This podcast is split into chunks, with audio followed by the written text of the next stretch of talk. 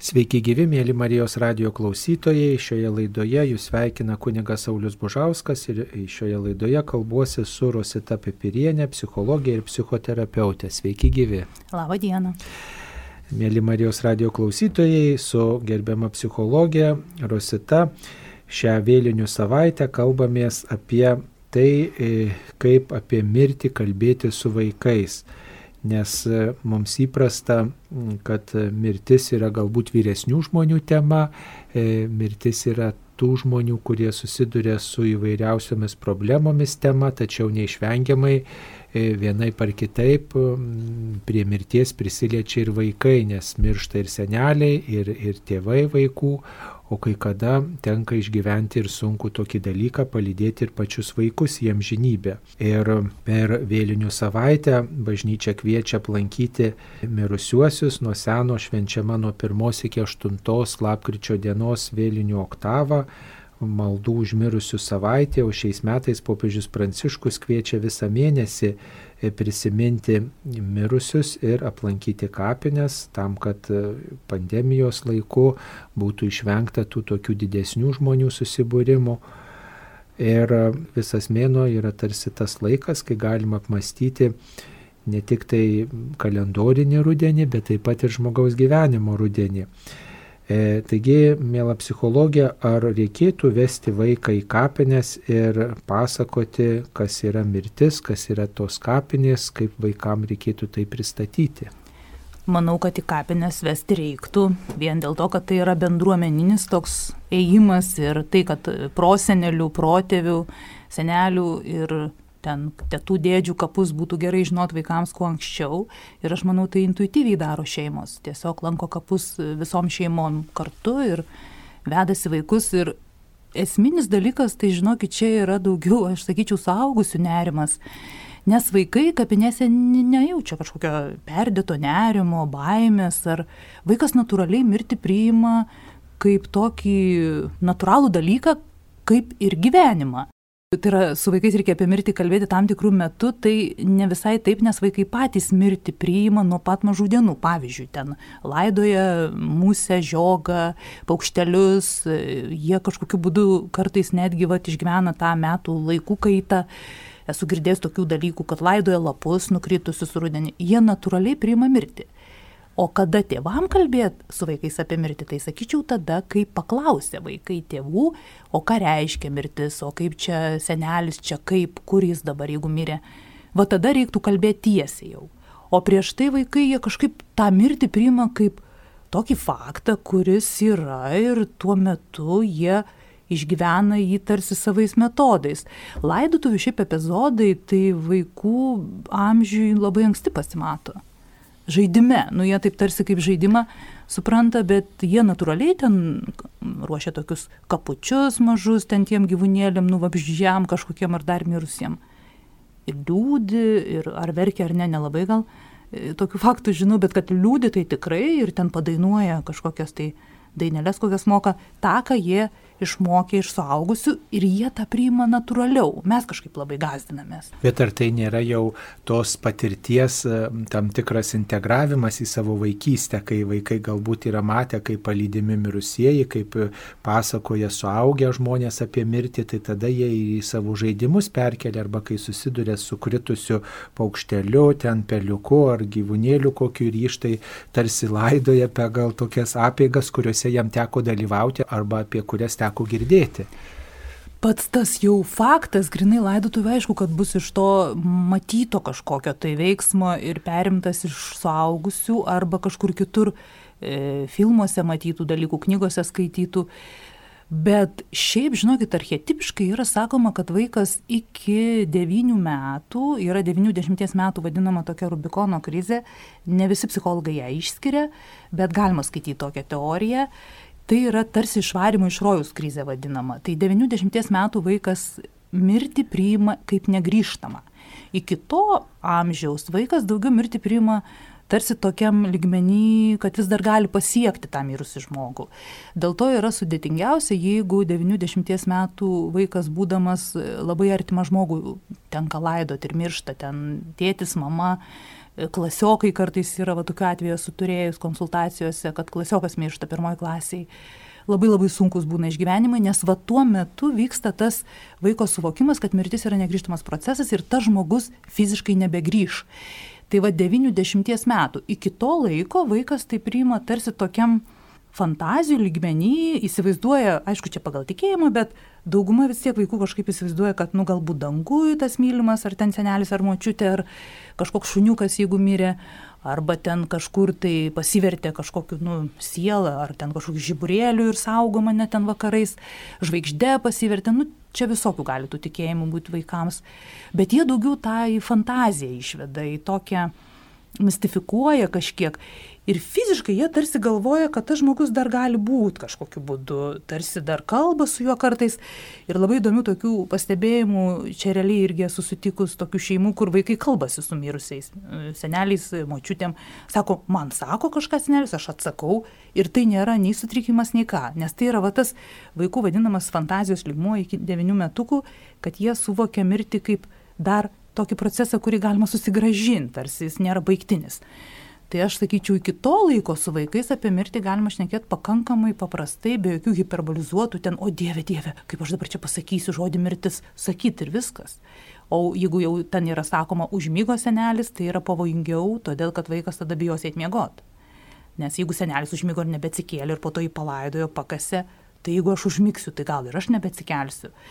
Tai aš asmeniškai linkusi patarti naudoti tuos tikruosius žodžius, nes vaikai juos naudoja labai paprastai mirė, palaidojom, sirgo ir apie tas lygas papasakot natūraliai. Bet vaikas vis, tiek, vaikas vis tiek klausia, ką reiškia mirė, ką reiškia mirė, tai kaip čia taip suprasti? Tam tikram amžiui jau gali pradėti klausti, ką reiškia mirė, tai reiškia, kad dabar nebekvepuoja, nebevalgo, nebežais su tavim, tu negalėsi jo kalbint, bet gali įsivaizduoti arba prisiminti tai, kas buvo. Tai vad kaip išgėdėti, pavyzdžiui, mirti artimų žmonių. Tai pagrindinis dalykas ir yra pabandyti su vaiku pasikalbėti apie tai, kas yra buvę. Čia ir su augintinio mirtim tas pats, ten šuniuko, kačiuko.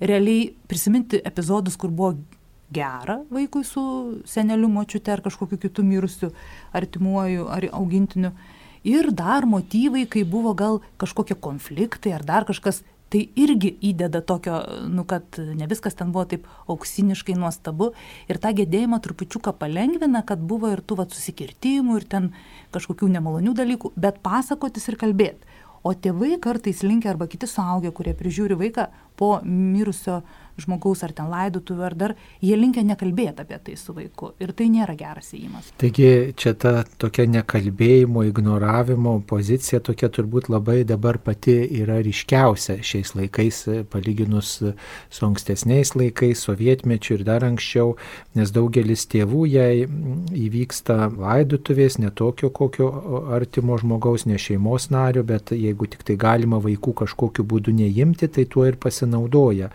ir nenori jiems sukelti papildomų klausimų. Ar tokia elgsena teisinga, kaip manote? Čia reiktų, žinokit, stebėti ir vaiko psichologinę būseną. Aš esu pati patarus keletoj atvejų nevesti vaiko į laidotuvės ir vyresnio jau, nes yra psichologiškai labai jautrus e, tiesiog vaikas, nu tokio pažydžiamumo labai daug. Ir jis jau fantazijoje yra stipriai įsinėręs į tą liūdėsi, gedėjimą, tai jeigu dar būtų tas konkretus laidotuvių epizodas, bet aš čia šneku daugiau apie pradinio amžiaus vaikus, pradinukus, vyresnius, paauglystėje jau, man atrodo, vaikas vis tiek net ir pažeidžiamas ir jautrus būdamas, jis suintegruotų tą didelį krūvį, kurį reikia ištverti, nes ten yra kiti artimieji, kurie padeda ištverti. Tai va apie tai, kad bendruomeninis yra veiksmas ir tada yra lengviau tam vaikui, kai jis yra bendruomeniai, ir jisai kartu su visais gali galų gale, kai kurie, pavyzdžiui, ten paaugliai, jiegi nelinkia apskritai rodyti jausmų ir jie laidotuvėse, kai kiti verkia, jie gali išsiverkti pirmą kartą ir vos ne vienintelį kartą laidojant kažkokį artimąjį. Tai tas bendruomenės motyvas labai svarbus, būtent laidotuvių aplankymo, tai yra šarvojimo. Ir laidotuvių tas pats, bet pavyzdžiui, vaiko atveju, žinokit, aš galvočiau, kad vaikui užtenka vieno susitikimo kažkokio su tuo mirusių ar į šarvojimą nueiti vieną kartą palidėjimui, ar laidotuvė epizodą, nes laidotuvės kartais būna ilgos ir vaikui tiesiog per sunku būna ir toks ir bažnyčiai pabūti, ir dar ant kapų. Tam tikrą epizodą reiktų, kad vaikas pajustų tą nu, realybę, kad realiai tas žmogus, kuris buvo mylimas, dabar yra, nu, va, toks, kuris nejuda. Tai tam, Vaikui reikia tą pamatyti dėl to, kad jis pajustų baigtinumą, nu, vat, kad taip yra. Dar kartais vaikai būna, vat, nu, kaip reaguota ne tėvam, leisti ar ne šitą dalyką. Jeigu yra e, pašarvotas žmogus karste, jie dar nori eiti pasakyti, vat, ypač mažesni, kažką pasakyti ten su seneliu ar mačiutė pašnekėti, arba paliest, pavyzdžiui. Tai čia labai įdomiai suaugę elgesi. Vieni tarsi natūraliai leidžia, kiti labai išsigąsta, nes, nu, ta žmogaus šaltis iš tikrųjų, mir, mirė žmogus lavonas, nu, iš tikrųjų toks šalčio motyvas labai stiprus. Bet jeigu vaikas prašo ir jeigu jis į tai žiūri atvirai, nes jeigu nereikia vaikui, jis neprašys. Jo psichologija pati ten sutvarko gynybos tos vidinės tai vis tik reikėtų gal jam pabandyti e, duot kažką panašiai. Jeigu mažiukas vaikas gal ant rankų palaikyti, nu, nevesti ten labai arti vieno, nes ant rankų, pažiūrėjau, pastėti mamą ar kitą artimą jis saugiau jaučiasi. Bet jeigu jis sako, aš noriu pažiūrėti iš arčiau, nu ir prineš trupučiuką, nesako, oh, kaip čia vaikas lavoną pamatys, kas bus. Jis pamatys tai, ko paprašė. Reiškia, jo psichika yra pasiruošus tai išgirsti ir, ir pajust. Aš tai sakyčiau, reikia sekti vaiką. Nes vaikas pasako, ko nori. Na, dar yra tokia tėvų nuostata, kaip tenka kartais girdėti, kad vaikas užauks ir sužinos, kas yra mirtis, kas yra neteisybė, kas yra išdavystė, apleidimas, e, prisižiūrės, prisidalyvaus dar įvairiuose laidotuvėse, o dabar tegul džiaugiasi vaikystė, malonumais, pramogomis. Kaip galima tokią nuostatą pakomentuoti, sako, jis tegul prisimena gyvą senelį, gyvą močiutę, gyvą ten kitą artimą žmogų, o paskui jam, jeigu mirusi pamatys, tai tas miręs miręs, šaltas, toks neišvaizdus tas žmogus ir liks prieš akis stovės ir jį persekios visą gyvenimą. Tai nereikia, sako tėvai kai kurie. Ar teisingai, kaip manote? Šiaip galvoti apie vaiką, kad jis, kai užaugs kažką supras, aš apskritai linkus sakyti, kad taip negalima, nes mes taip nuvertinam asmenybę, o tik ką gimė žmogus, jis jau asmenybė. Iš tikrųjų, tai kai jau yra neštume kūdikis, užsimesgęs jis jau asmenybė ar net visai nekūdikis kažkur ten pilve ir tik tik prasideda kažkas jau asmenybė. Tai negalima nuvertinti vaikų, jie viską supranta ir jaučia, tik jie jaučia savaip. Dabar dėl to, vat, vėlgi, ar jam išliks tas e, kraupus vaizdas kažkokio lavono, nu žinokit, kiek aš kalbėjau su tais vaikais, kurie išgyvenė ankstyvas artimųjų mirtis, kai jie mažesni vaikai buvo ir prisimena, dažniausia kalba apie prisiminimus, kurie yra su gyvu žmogum ir malonius, išlieka tokie, o laidotuvių epizodas dažniausiai yra prisimenamas kaip tas, kuris padeda tašką ir leidžia žengti į priekį. Bent jau jie taip reflektuoja, jau kaip pas mane vaikai kalbasi atėję. Tai aš sakyčiau, kad nu, tas persekiojimas kažkoks baisaus vaizdo, naktiniai košmarai sapnuoja, dažniausiai, žinokit, atvirkščiai būna, jie sapnuoja mirusį žmogų, kuris ateina palaikyti ir saugot. Tokie labiau sapnai dažni. Tai čia yra, žinokit, gal daugiau saugusių. Perdėta tokia reakcija, nerimo išraiška apsaugot vaiką, o iš tikrųjų pats suaugęs yra sunkiai besijaučiantis, jam reikia kažkokios pagalbos ir tada jis perkelia šitą savo pagalbos trūkumą, pagalbos norą į vaiką. Čia yra tokia projekcija. Nes vaikui dažniausia, nu, ypač jautri, nebent psichika, kaip jau minėjau, ten išimčių yra, bet tada tėvai apie tokį vaiką labai anksti jau žino, kad jis labai jautrus ir panašiai nėra daug tokių vaikų, bent jau man neteko labai daug jų sutikti, tada reikia truputį atsargiau. Bet pats laidotuvių motyvas, kad jis sudalyvautų iš šono, gal ne visai prie pat to karsto, vis tiek reikia. Vien dėl to, kad, nu, kažkoks įvyksta tada savo pasakymas, aha, tai čia jau yra taškas, reiškia, čia taip jau baigta ir mes jau dabar pas mačiutę nebevažiuosim, nes ten jos nėra. Nu, vaikui reikia šitą suvokti, o ne nedalyvavus nei šarvojime, nei laidotuvėse visiškai niekur, po to kaip jis suvoks, kad nebėra nebelankysim senelių, arba ten tėtos, arba krišto tėčio. Nu, Tos jam neaišku, jis nežino, kur pasibaigė. Tai va čia tas toks pabaigties kažkoks taškas tokio, tam, kad prasidėtų nuoja pradžia. Ir vaikas sakytų, nu gerai, čia jau dabar man tas senelis jau tiesiogiai nekalbės, bet aš galiu gal jam, pavyzdžiui, laišką parašyti, šiaip yra va tie atsisveikinimo ritualai. Galima parašyti mirusiam žmogui laišką, nupiešti piešinį, visokių tokių dalykų.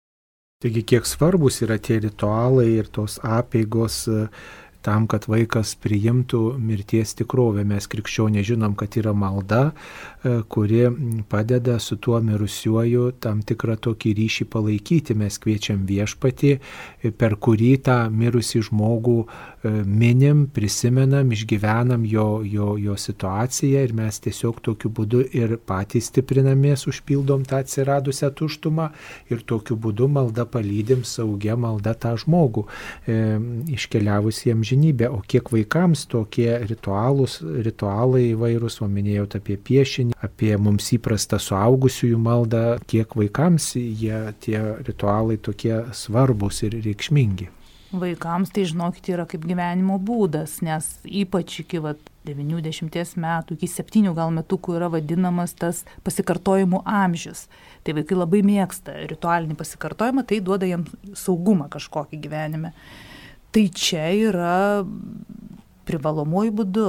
Jeigu jau gedėjimo žiūrėti etapą, tai visur beveik mini psichologijoje, literatūroje, dvasiniai tas pats apie ritualų naudą vaikams. Tai pirmas dalykas bendra malda, aš manau, jeigu yra vaikas, kuris jau meldžiasi, kai kurie vaikai nuo trijų metukų puikiai meldžiasi kartu su šeima, jie ten kažkokius žodžius sako, kurie jiems svarbus, bet jie kartu būna toj maldoj užmirusi.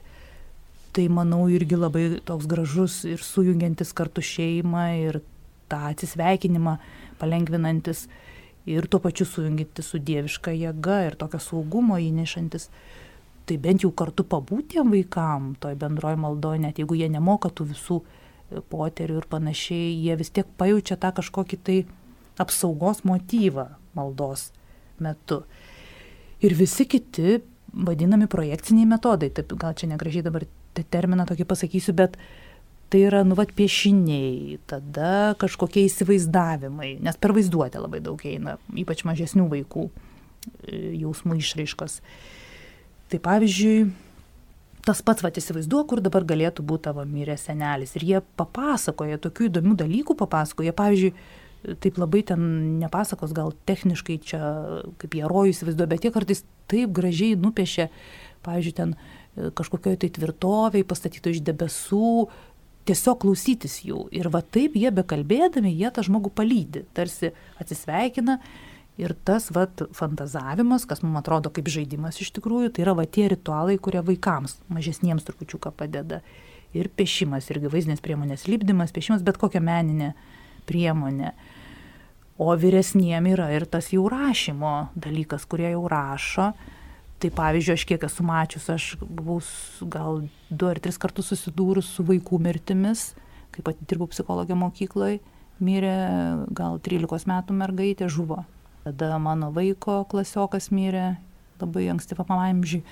Tai labai gražių buvo padaryta tų ritualų mokyklose būtent. Pavyzdžiui, kiekvienas parašo arba nupiešia po kažkokį atsisveikinimo laišką arba piešinuką ir tada kartu palaidoja, įmeta ten į tą kapą. Nu, tokių vat, arba ten, pavyzdžiui, pasako kažkokius gražius žodžius, ką su tuo žmogumi yra patyrę. Tai tas būtų klasiokas, pavyzdžiui, arba klasiokė arba ten kažkokie palinkėjimai, arba ką aš iš to žmogaus gero išmokau. Nu, va tokio, tarsi tai, kad miršta, ypač, va, nu, kai vaikai miršta, tai yra, man atrodo, siaubingiausia, ką galima išgyventi, tai yra vaikų laidutuvės. Tai tada, nu, ką įnešė, ką tas žmogus arba tas vaikas mano gyvenime paliko gero. Ir tada gaunasi toks testinumas, kad reiškia tas žmogus, kas iš to, kad jis mirė šitam fiziniam, e, realiam pasauliu bet jis savo darbais, savo kažkokiam mintim, savo žodžiais, jisai į kitą žmogų įneša kažką gero, tas žmogus tęsia visą tai. Ir tas vat, labai labai stipriai veikia tą, tą bent jau vaikų bendruomenę, kai reikia jiems su savo bendramžiais atsisveikinti. Tai čia, manau, privaloma tokius ritualus daryti mokyklos ir mokyklos tikrai visos labai jautriai gal tai reaguoja, kiek aš bent jau susidūriau. Lygiai tą patį gali tėvai daryti namuose. Jeigu tai yra šeimos bendruomenė, irgi kaip atskira bendruomenė tai mes irgi galim kalbėti apie tai, ką aš išmokau kiekvienas, bet tada ir mama ir tėtis gali pasisakyti, ką išmoko iš to mirusio giminaičio. Ne tik tai vaikai, kad kalbėtų, nes vaikui labai svarbu, kad kalbėtų ir kiti šeimos nariai. Nu, kad jis nesijaustų ten tardomas kažkaip tai. Tai va tas pasidalinimas, kalba, fantazavimas, prisiminimai irgi labai svarbu, gedėjimai labai padeda. Turbūt visi žmonės turi įvairiausių nuotraukų, tų žmonių, kurie taip, yra iškeliavę ir daiktų, pavyzdžiui, ir senelių daiktų, ir ten knygų, ar ten namų rakando, dar kažkokie, kurie padeda prisiminti tą žmogų ir tokį santykį su juo išgyventi. Taip. Kiek va, tas nuotraukų žiūrėjimas, kuriuose yra užfiksuoti tie, kaip sakant, seni žmonės, iškeliavę žmonės yra prasmingas, kiti sako, neverta čia žiūrėti, reikia sudeginti, išmesti, reikia va, atsisakyti kad tiesiog nepersiekiotų ta praeitis. O kiek vat, ypač tom vat, vėlinių savaitės dienom yra prasminga mums prisiminti tuos iškeliavusius žmonės, žiūrint jų nuotraukas arba jiems priklausiusius daiktus. Tai žinokit, aš sakyčiau, gerai, kad priminėt šitą, pati buvau pamiršus, čia yra svarbu truputį atskirti gal suaugusio gedėjimą ir vaiko, nes suaugusiam gali būti, kad va tie daiktai, palaidus ten su toktinį ar kitą artimą labai žmogų, gali priminti tą skausmą. Nu, bet buvo, buvo ir dabar nėra, mes jau ne kartu ir tas daiktas kažkokia nuotrauka bendra primena, kad mes nebe kartu. O vaikui kaip tik dažnai būna ryšį atstato tarsi už tai, kad vat, vaiko psichika kitokia, jinai fantaziją daugiau naudoja kaip priemonę gelbėjimuisi kažkokiam. Nu, va taip suformuotos tos gynybos. O suaugusiam labai dažnai pradžioje, nu tikrai jam reikia patraukti visus daiktus, kad jis suvoktų realybę, kad nėra to žmogaus ir aš dabar turiu atsistoti ant kojų, įkvėpti ir aš turiu gyventi. Ta prasme, nu, net jeigu labai artimas žmogus mirė, net jeigu per anksti mirė, ne, ne ten 99 metų, kurių, sako, žmogus jau užsitarnavo ir jis laukia jau to polsio, Tai čia eina kalba apie tą gal skirtumą. Žinokit, aš tai tikrai imčiau tuos albumus ir netgi galima imti iš labai senų laikų, pavyzdžiui, jeigu ten mirė žmogus senyvas jau, tai jo jaunystės, kai dar vaikas pats buvo negimęs, tai jam dar įdomiau ten senoviai, tai gal net yra dar likusių vaikystės nuotraukų to mirusio ten dėdės, tetos ar ten senelio, tai vaikui dar įdomiau, čia tai buvo kažkada, jis toks buvo mažas kažkada, jaunas atitraukiam mes tada nuo to skausmo, nu, kad nėra to žmogaus. Bet tuo pačiu integruojasi ir tai, kad tai prisiminimai. Jis vis tiek supranta, kad mes prisimenam, nes tai yra praeitis. O ateitį vis tiek dabar mes turėsim kurti jau be šito žmogaus. Tik prisiminimai duoda šansą nubūti stipresniam gal, arba kažkokį tai etapą priimti kaip, nu, vad pasibaigė ir aš galiu sau leisti dabar truputį ir pajokaut, vat, pavyzdžiui. Šiaip dar labai kartais padeda vaikam, vat, kurie nu užstringa šiek tiek gedėjime ir liudesi, nes taip gali būti, kaip ir suaugusiam gali būti užstrigimas, taip ir vaikui. Galima paklausti, pavyzdžiui, tokio klausimo, o dabar įsivaizduok, jeigu tas miręs, nu, tavo ten tėtis ar senelis ar močiutė žiūri iš dangaus ir mato, kaip tu vis liūdi, liūdi, liūdi jau taip daug mėnesių, ką jis tau palinkėtų, nu, va, ar jis linkėtų tau toliau taip liūdėti. Nu, žinokit, šimtas procentų atsakymų būna, kad nelinkėtų. Linkėtų gyventi, ten džiaugtis, draugų susirasti. Ir tada pačiam vaikui tarsi pasirodo, kad tas miręs jam padeda kapstytis, nueiti prieki. Čia tas pats ir apie suaugusių gedėjimą, kad, nu, jeigu tu sutoktinį palaidojai, nu, ar dabar tas sutoktinis, žiūrėdamas iš kažkur, kur dabar yra, sakykime, siela, norėtų, kad tu dabar šitam liūdėsi būtum ir visiškai uždarytum save nuo gyvenimo, tai atsakymai būna aišku, kad ne nes norėtų, kad mes gyventumėm. Gyvėjai turi gyventi, o mirusieji turi būti savotiškai nupaleisti. Aš nesakau pamiršti, bet paleidimas čia turi egzistuoti. Tai va tas dar truputį nuotraukų žiūrėjimas ir paleidimą pagreitina, nes nuotraukas yra sustabdyti kadrai. Mes suprantam, kad to nebėra, tai yra buvę. Ir už tai mes galim nuotrauką palikti ir pasakyti, taip, šitas nebesikartos, nes tai yra tik fiksuota kažkokia akimirka. Daiktai irgi tas pats. Jie tarsi buvo, bet jie iš ten yra jau. Ir man lengviau tada pereiti ateitį. Bet šiaip būna, žinokit, kad vaikui užeina jausmas ir jisai nori viską paslėpti. Tik reikia neleisti plėšyti. Ten laiškų, kažkokių nuotraukų. Paslėpti galima, pavyzdžiui, aš nebenoriu matyti šitų dalykų. Nu ir gerai, nu padėkim po lovą. Čia va tas empatija tokia, nes vaikai dažnai parodo, kad, pavyzdžiui, man dabar tų gyvūnėlių, pavyzdžiui, nuotraukų aš nebenoriu, man labai gaila žiūrėti ant tą šuniuką palaidą, man tai baisu, aš nebenoriu jo nuotraukų matyti. Gerai, išimam ir sudedam į vieną dėžutę ir paslepiam tiesiog. Bet plėšyti nereikia, nes čia toksai, o po to bus gaila, kad suplėšiu ir nebeturiu prisiminimą. Bet patraukti kartais reikia, nes būna toks, nu, per aštrus tas toks žvilgsnis, liūdėsio tiesiai akis tokio prisiminimo per aštraus. Nes tos fazės tai ilgos gedėjimo ir kartais ten trunka, ypač jeigu artimas žmogus miršta ir netikėtai. jeigu nebuvo lygos, pavyzdžiui, per kurią galėjo vaikas atsisveikinti su tuo e, sergančiu artimuoju, tai jeigu netikėta mirtis, tai fazė, žinokit, ten iki dviejų metų gali užtrukti. Tik tai svarbu nepalikti vaiko vieno tada. Vat kur yra problema po mirties. Suaugę užsiema ten tuo vadinamu laidotuvių visų organizavimu, užsiema viens kitą palaikyti ir tada vaikas taip lieka paliktas. Nes, ai, ar taip ar taip jis gyvstai kartu. Ir niekas prie jo net, net nu, tiesiog neatsitupia paklausti, o tu kaip kaip tau, ar tu, ką tu čia matai ir kaip tu jautiesi. Tai vad kartais man va šito va neramu yra, kad suaugę patys labai tokioj kančioj būna ir tam užsisukime ir užmiršta vaiką. Dar žvelgdami mirti mes kažkaip labai esam sureikšminę kapinės tiesiog važiuojam į kapines, aišku, vėlinių savaitę, per vėlinių šventes, ten labai daug žmonių, degamos žvakutės, žvakučių jūros, labai gražios gėlės ir vat, žmonės susikoncentravę, kad štai čia guli ten mano artimieji palaidoti, čia guli seneliai, tėvai, ten giminės, protėviai, panašiai. Ir vat, čia reikia puošti, čia reikia lankyti, čia reikia vat, galbūt kalbėtis ar panašiai, čia va, reikia išgyventi kažkokį santykį su jais. O paskui išėjus galbūt, nu, prisimenam, va, kaip sakom, nuotraukas pavartom. Bet krikščioniškas tikėjimas turbūt primena mums, kad e, kapinės tai yra tik tai to žmogaus palaidojimo vieta, o tas žmogus, jis ne tik tai iš kūno sudarytas, bet jis turi ir sielą ir kad tas žmogus yra pagal mūsų krikščionišką tikėjimą amžinybė ir kad įstoja Dievo akivaizdon tas žmogus, su kuriuo palydime.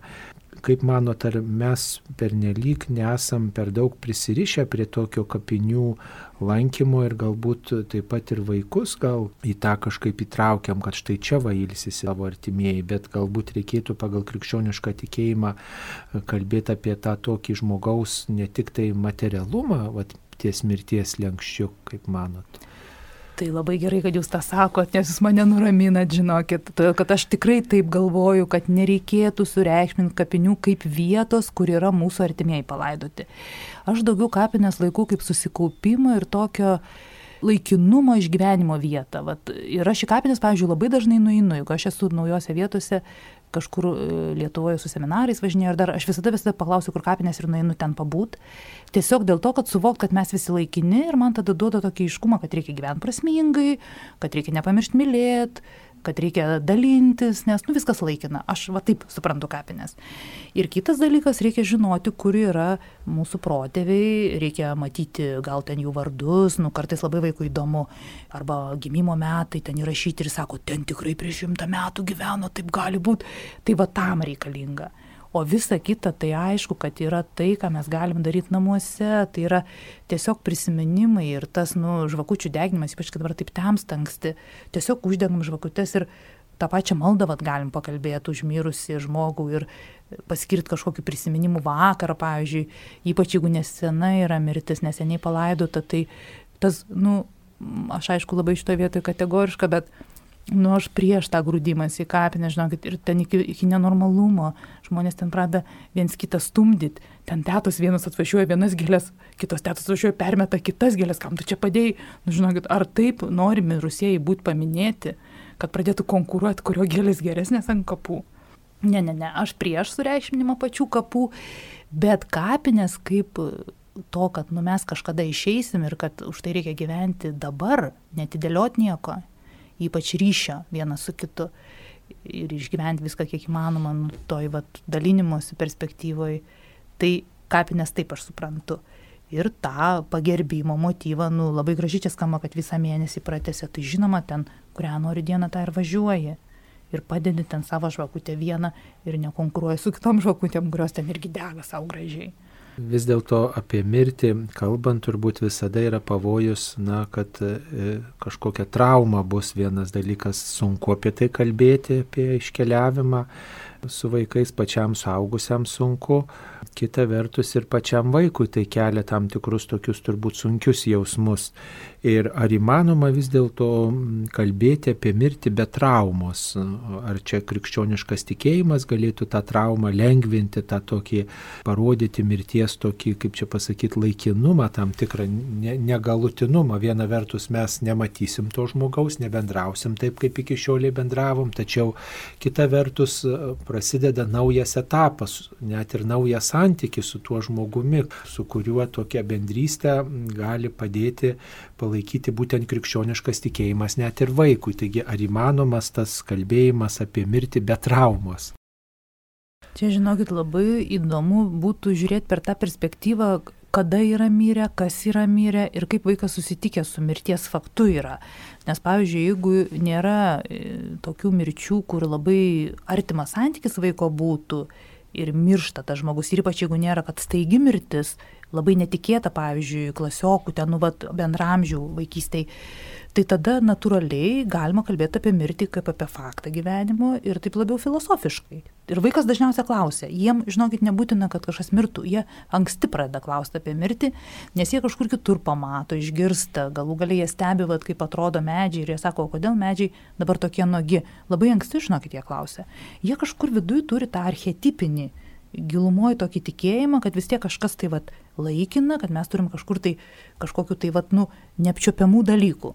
Tai tada ir kalbam, kai jie klausia. Bet jeigu įvyksta mirtis, pavyzdžiui, netikėtos ir ankstyvos, ir, ir ypač jeigu bendramžių, ypač jeigu žūtis, e, nelaimingi atsitikimai, tai būtina kalbėti tada, nes tada jau yra trauma. Tarsi mes jau nebegalim ignoruoti, nes tai yra trauma ir jeigu vaikui yra trauma, visada bus krizė.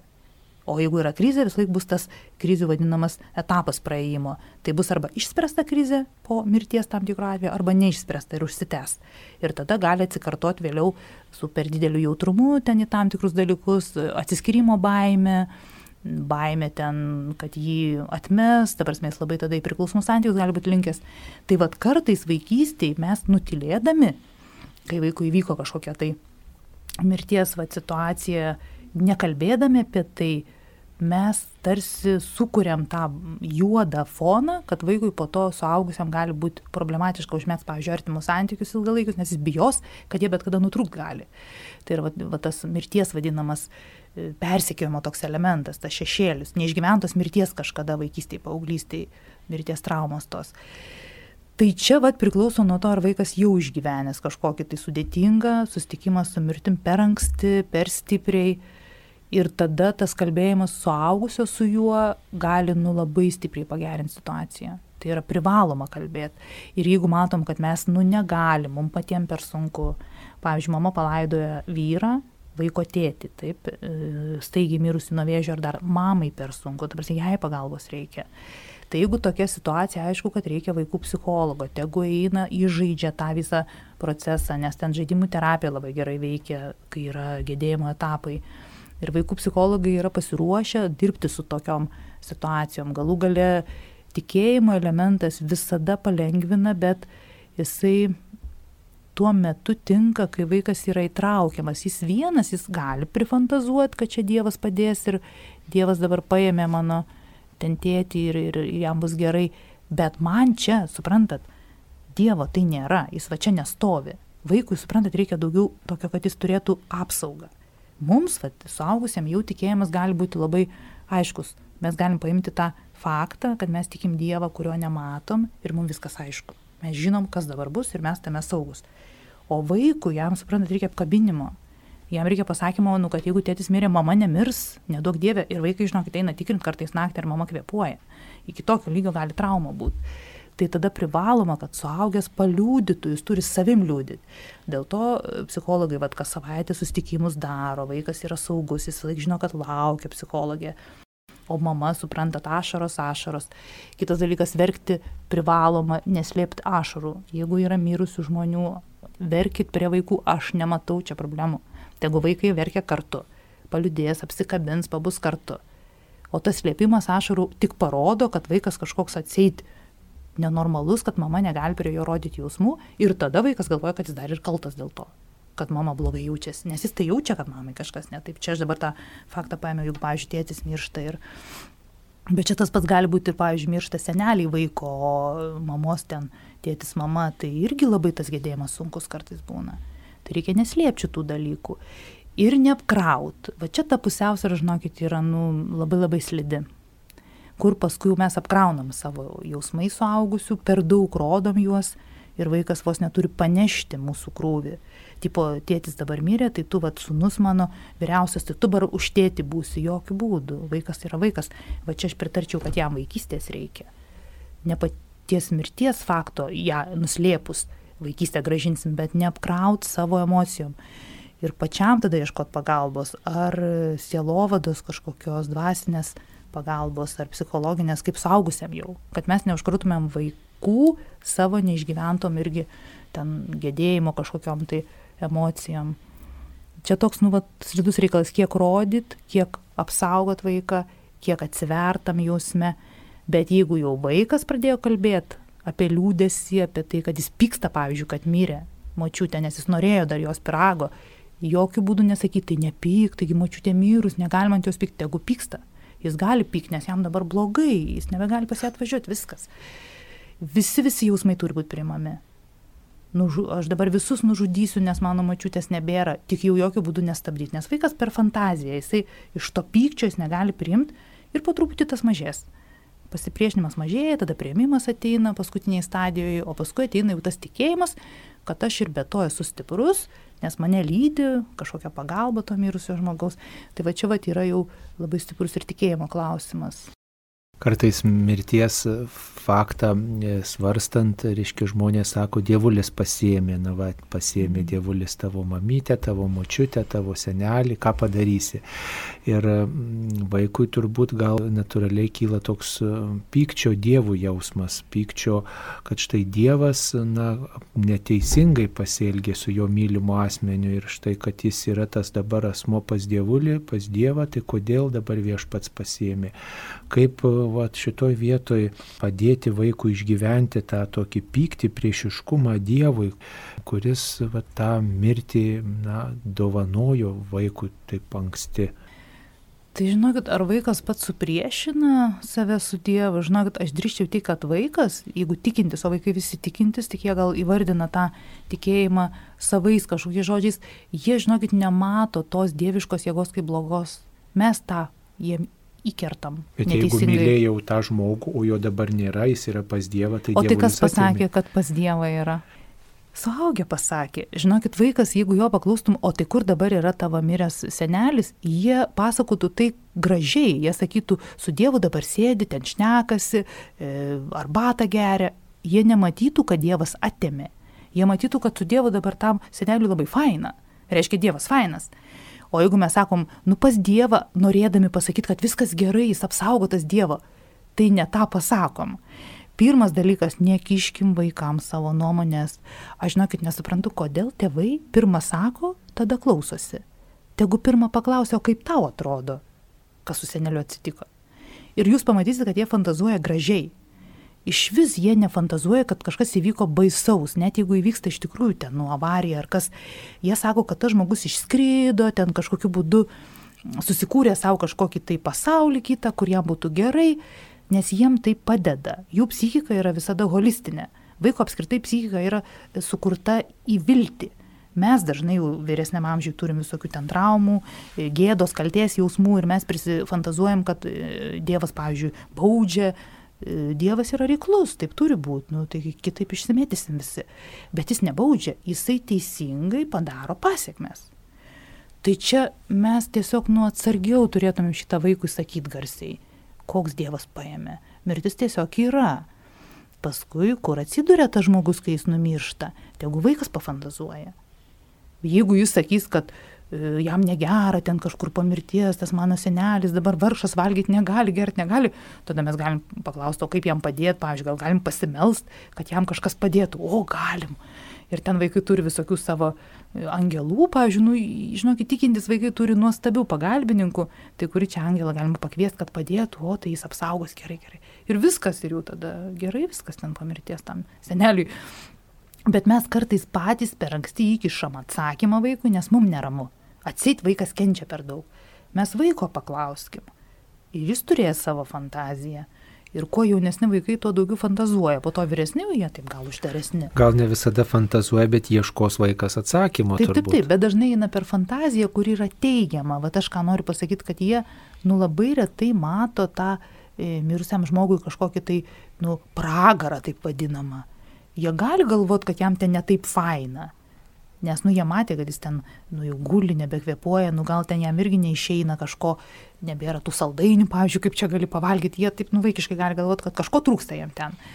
Tai tada galima melstis, kad netrūktų ir tada pakalbėtų, tai ko trūksta. Tai tas, nu, perėjimas ir kad tam kitam pasauliu bus kitaip negu šitam, vaikam aišku, tai jie kažkaip tos pasaulius jaučia kaip skirtingus. Bet tik tai, kad, nu, ar tikrai Dievas blogas, kad atėmė mano mylimą žmogų, Čia, manau, žinokit, yra daugiau suaugusio žmogaus ta kančia ir tada va, tas, va, kodėl egzistuoja blogis, ar ne? Bet jeigu verkia žmonės, gedi, to žmogaus vaikas mato, tai tada ir jam liūdna, tai tada, na, va, kas yra tas, kuris išplėšė, va, nu, tas ašaras. Kodėl žmonės miršta? Kodėl žmonės miršta, kodėl žmonės liūdė, jeigu jam taip dabar gerai, tai kodėl čia aplinkui visi verkia, gal vaikas tokius klausimus kelia. Kodėl žmonės miršta? Čia amžinas klausimas. Ir kodėl žmonės e, liūdi, kai kiti miršta? Tai va čia vat vaikas ir atsakys. Nes jeigu šitam pasaulyje nebėra to žmogaus, kurį aš mylėjau, aš negalėsiu su juo eiti pasivaikščioti, aš negalėsiu futbolą žaisti, aš negalėsiu filmukų žiūrėti. Tai viskas man dėl to liūdna. Jam viskas aišku, kad aš čia jo nebegalėsiu apkabinti, pavyzdžiui. Ir dėl to verkiu o po to paverksiu, paverksiu ir po kiek laiko praeis tas liudesys ir ateis tas prisiminimų malonumas, kad labai daug įdomių dalykų buvo. Ir mes su juo labai daug paveikėm. Ir tada labai svarbu vaikui apie viltį kalbėti. Tai jeigu yra va taip, kad miršta žmonės, tai gal mes tada sakom tiem žmonėm, kurie dabar prie mūsų gražių žodžių daug daugiau kiekvieną dieną. Galbūt kažkokiu tai, nu, dovanų duodam, ten piešinį nupiešim ar kažkaip taip meilę parodom. Po to mums bus ką prisiminti vaikų kartais būna tas klausimas, o tu irgi mirsi. Jau senelis ten numirė ar močiutė ar kas. Tai tėtis ir mama jokių būdų neturi sakyti, ne, nemirsiu. Jokių būdų turi pasakyti, nu taip, mirsiu, bet dar nesiuošiu. Nu, aš taip bent jau atsakinėdavau, nes dar jauna esu ir jaučiuosi, kad dar galiu gyventi ir gyvensiu baisiausia būna, kai vaikai miršta ir tada jiem va tas, kad aš irgi galiu numirti. Ir tada, nu, kalbėti apie išimtis, apie tai, kad vaikai dažniausiai miršta, kai yra lygos kažkokios, tas lygas prieš tai bando gydyti ir jau vaikas žino, kad serga, tai apie tai irgi reikia kalbėti. O čia, žinokit, yra sunkiausia kalbėti. Na tai tikrai, vat, ir tą galim temą truputį pasvarstyti, kai vaikas susirga aukšta temperatūra, e, kažkokia kita sunki lyga diagnozuota arba gal tikrai sužinojo, kad yra nepagydoma lyga ir, ir tėvai sužinojo ir taip aš nemždomis kalba, kad štai labai blogai ir čia vadovanom didelėm apipilą ar ten panašiai, kaip reikėtų su vaiku kalbėti apie jo tokį galimą iškeliavimą, nes būna taip, kad ir vaikas įsigasta, kai jam kažkas įsipjovė į pirštą, jau aš mhm. mirsiu, kraujas bėga ir taip toliau. Ir būna, kad vaikas tikrai mm, susirga sunkiom lygom ir, ir tikrai žinom, kad yra ir vaikų ligoninės, ir sunkiai sergančių vaikų ligoninės, kaip čia reikėtų su vaikais tokiais kalbėti apie tą iškeliavimą. Tai vėl aš sakyčiau, paskutiniai vietoj turėtų būti saugusio patarimai. Čia, man atrodo, iš viso čia yra jau ir labai dvasinis ligmuo, ir labai filosofinis, ir, ir iš viso čia jau ir tikėjimo motyvas, nes labai dažnai sunkiai sergantis vaikai yra tikintis. Nu, čia jau natūraliai. Jie daugiau kažkur neturi kur remtis, nes tada irgi atrodo, tėtis ir mama nebeišgelbės, nes jie irgi ne visą gali, gydytojai, nu taip, e, vaikai žino, kad daro, ką gali tie gydytojai, bet visai gali būti dabar tas pats, ne virusas korona, taigi taip pat veikia. Ir vėl priklauso, kiek mes ramybės įnešam šeimoje, kiek mes gazdinam vaikus, kas yra labai baisu, o kiek mes kalbam apie tai, kad nu taip egzistuoja, egzistuoja kažkokie tai pavojai, egzistuoja kažkokios lygos ir klausim, kaip vaikas tame yra. Šiaip man atrodo, šitoj vietoj yra esminis dalykas, kad vaikas išsikalbėtų. Tai jeigu tėvai nepaklausia ir jis neišsikalba šeimoje, tada lieka psichologai arba kiti specialistai, dvasininkai, kurie pagelbėjo ten, nežinau, kažkokios palaikomos grupės, gal, pavyzdžiui, onkologinės ligoninės vaikų, ten yra kažkokie žmonės, kurie va, turi palaikymo tokią terapiją, e, suteikia tiem vaikam. Bet šiaip realiai šeimoje tai yra tik tai vaiko atvėrimas tame. Nes vaikui pačiam labai baisu ir jeigu jis galės apie tai kalbėti, o mes atlaikysim, aš sakyčiau, čia tėčiui ir mamai labai sunku atlaikyti, suvokti, kad tavo vaikas serga nepagydoma lyga, kaip man atlaikyti, kaip mamai, kad jis kažkada gali mirti jaunas, mažas. Tai yra, aš turiu neužkrauti kaip mama to savo siaubo ir tada leisti vaikui pasidalinti savo siaubu. Ir po kiek laiko tie žmonės, nu, man net vaikai nebeišeina, kaip sakyti, nes ten yra jau nušminčiai. Jie tie, kurie va išneša savo vėžius, tie maži vaikai ir, ir paaugliai. Nes kančia ta, kažkaip subrandina juos. Žinokit, jie pradeda matyti kasdienybės džiaugsmą. Tarsi, ten aš sakyčiau, kaip mes turim važiuoti iš jų mokytis į tas ligoninės, kaip jie kiekvieną rytą atsikelia ir galvoja, o geras, dar viena faina diena. Kiekvieną akimirką džiaugiasi. Taip, taip, taip, čia aš šitą dalyką pati nesu gal taip tiesiogiai susidurs, bet iš psichologo, kuris dirbęs onkologinėje ligoninėje, esu girdėjęs daug tokių istorijų, kad ateina ir mokosi, sako, va to džiaugsmo ir sako, geras, sako, labas, aš dar tave matau. Tai va, kiekvieną rytą va taip atsikelt, pavyzdžiui, aš žinokit, anoj, va, karantino situacijoje, dabar jeigu vėl uždraus viską, tai mane gelbėdavo ryte, aš atsikėliau, o geras, aš gyva Tors nenur kas, kad korona aš gyva. Kiekvieną rytą. Tai žinokit, va ten su tais vaikais, kurie tą kančią priemė į save visiškai, jie gali mums būti mokytojai. Tai mes kaip suaugę turim tada su savo vaikais taip bandyti kalbėti ir būti jiem ne kaip kažkokie tai ten e, mokslininkai kažkokie arba išsigandę tos mirties ir jos realybės, o tokie, kurie vat, filosofiškai galim tiesiog apie tai padiskutuoti. Tai čia svarbu ir nedramatizuoti yra gyvenimas, yra mirtis. Vat senovė iš tikrųjų viskas būdavo vietoj. Visa šeima ten trys kartos gyvena vienam name, gimdo tam pačiam name, miršta tam pačiam name, vaikai visą tai mato, jie kažkaip suintegruoja, jiem atrodo, kūdikis gimė, kartais kūdikis ir miršta po kiek laiko, gimsta kitas, močiutė numiršta, nes atėjo laikas. O dabar, žinokit, kažkaip nu, per daug mes atskiriam tą mirtį, tarsi jinai yra blogybė, bet nu vaikui atrodo mirtis tarsi kažkokia eiga gyvenimo ir kai jis pats susirga arba tik negazdint reikia, nu nekraut savo. Vaikas įsipjovė pirštą ir mama alpsta. Na, o, sakykime, krikščioniškas tikėjimas, kurį mes išgyvenam, kiek jis gali mums padėti į tą mirties tikrovę išgyventi, kiek vaikui suprantama kalba tai perteikti, ar vis dėlto pasitelkti tuos rojaus vaizdus amžino gyvenimo, tokią tikrovę, apie kurią mes žinom iš švento rašto, ar kaip kitaip gal vaikui reikėtų apie tai kalbėti. Gal vėl sekti vaiko vaizdus, nes jeigu jis turi savo vaizdinį, kur dabar yra tas iškeliavęs mirusysis, mes juo galim ir naudotis. Po kiek laiko vaikas gali sakyti, nu jau persikėlė, jisai kitur gyvena, dabar ta siela, nu tada kitur. Bet žinokit, pagrindinį motyvą, ką reiktų perteikti, bent jau aš taip tikiu ir aš manau, kad aš ir savo, žinokit, tą naudoju savo mirusių žmonių, nes esu palaidus ir jaunų pakankamai savo bendramžių.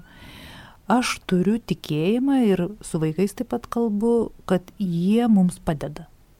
Tai va tas faktas, manau, vaikui yra labai labai svarbus, kad tas mirusysis, kas tai ten bebūtų, ar senelis, ar tas pats šuniukas tavo, kažkokiu būdu linki tau gero, nu, va, kažkokiu būdu padeda, kažkokiu būdu lydi, kažkokiu būdu apsaugo kartais. Tai va šitą, man atrodo, svarbu išlaikyti jau tokiam, nu, grinai religiniam aspekte, kad fiziškai jis negali čia atsidurti, nes jis jau yra siela, kažkur jau ten, ar, ar Dievo kažkur tai karalystėje, ar kur, bet tokia kaip energija, kaip meilė, jinai vis tiek nesibaigia.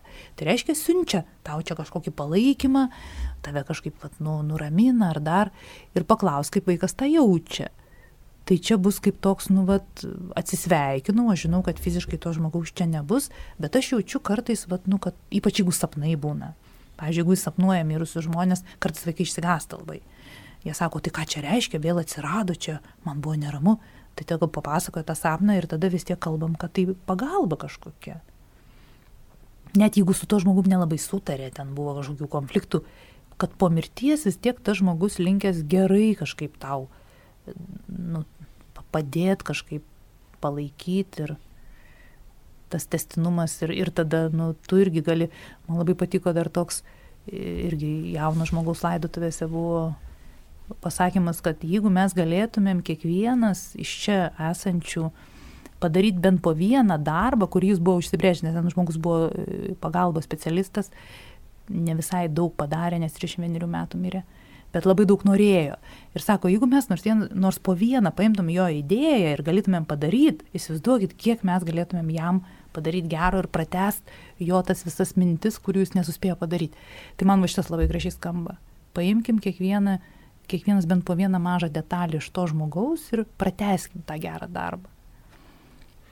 Tai čia tarnystės kitiems idėja, meilė, kuri ne Marija yra, kurią galim mm. tęsti ir tęsti kartą iš kartos. Ir ačiū Dievui, kad esam krikščionys, kad esam tikinti žmonės, kas mums padeda į mirtį žiūrėti ne kaip į pabaigą, bet kaip į vartus. Ir apie tai mums reikia kalbėtis ne tik tarpusavį, bet ir su vaikais. Tai Būtent. ačiū mielai Rositai Pipirieniai, psichologija, psichoterapeutė, kuri šioje laidoje kalbėjo apie tai, kaip reikėtų kalbėtis su vaikais apie mirtį. ją kalbino aš kunigas Saulis Bužauskas. Ačiū visiems vilties ir šviesos kasdienybei. Sudė.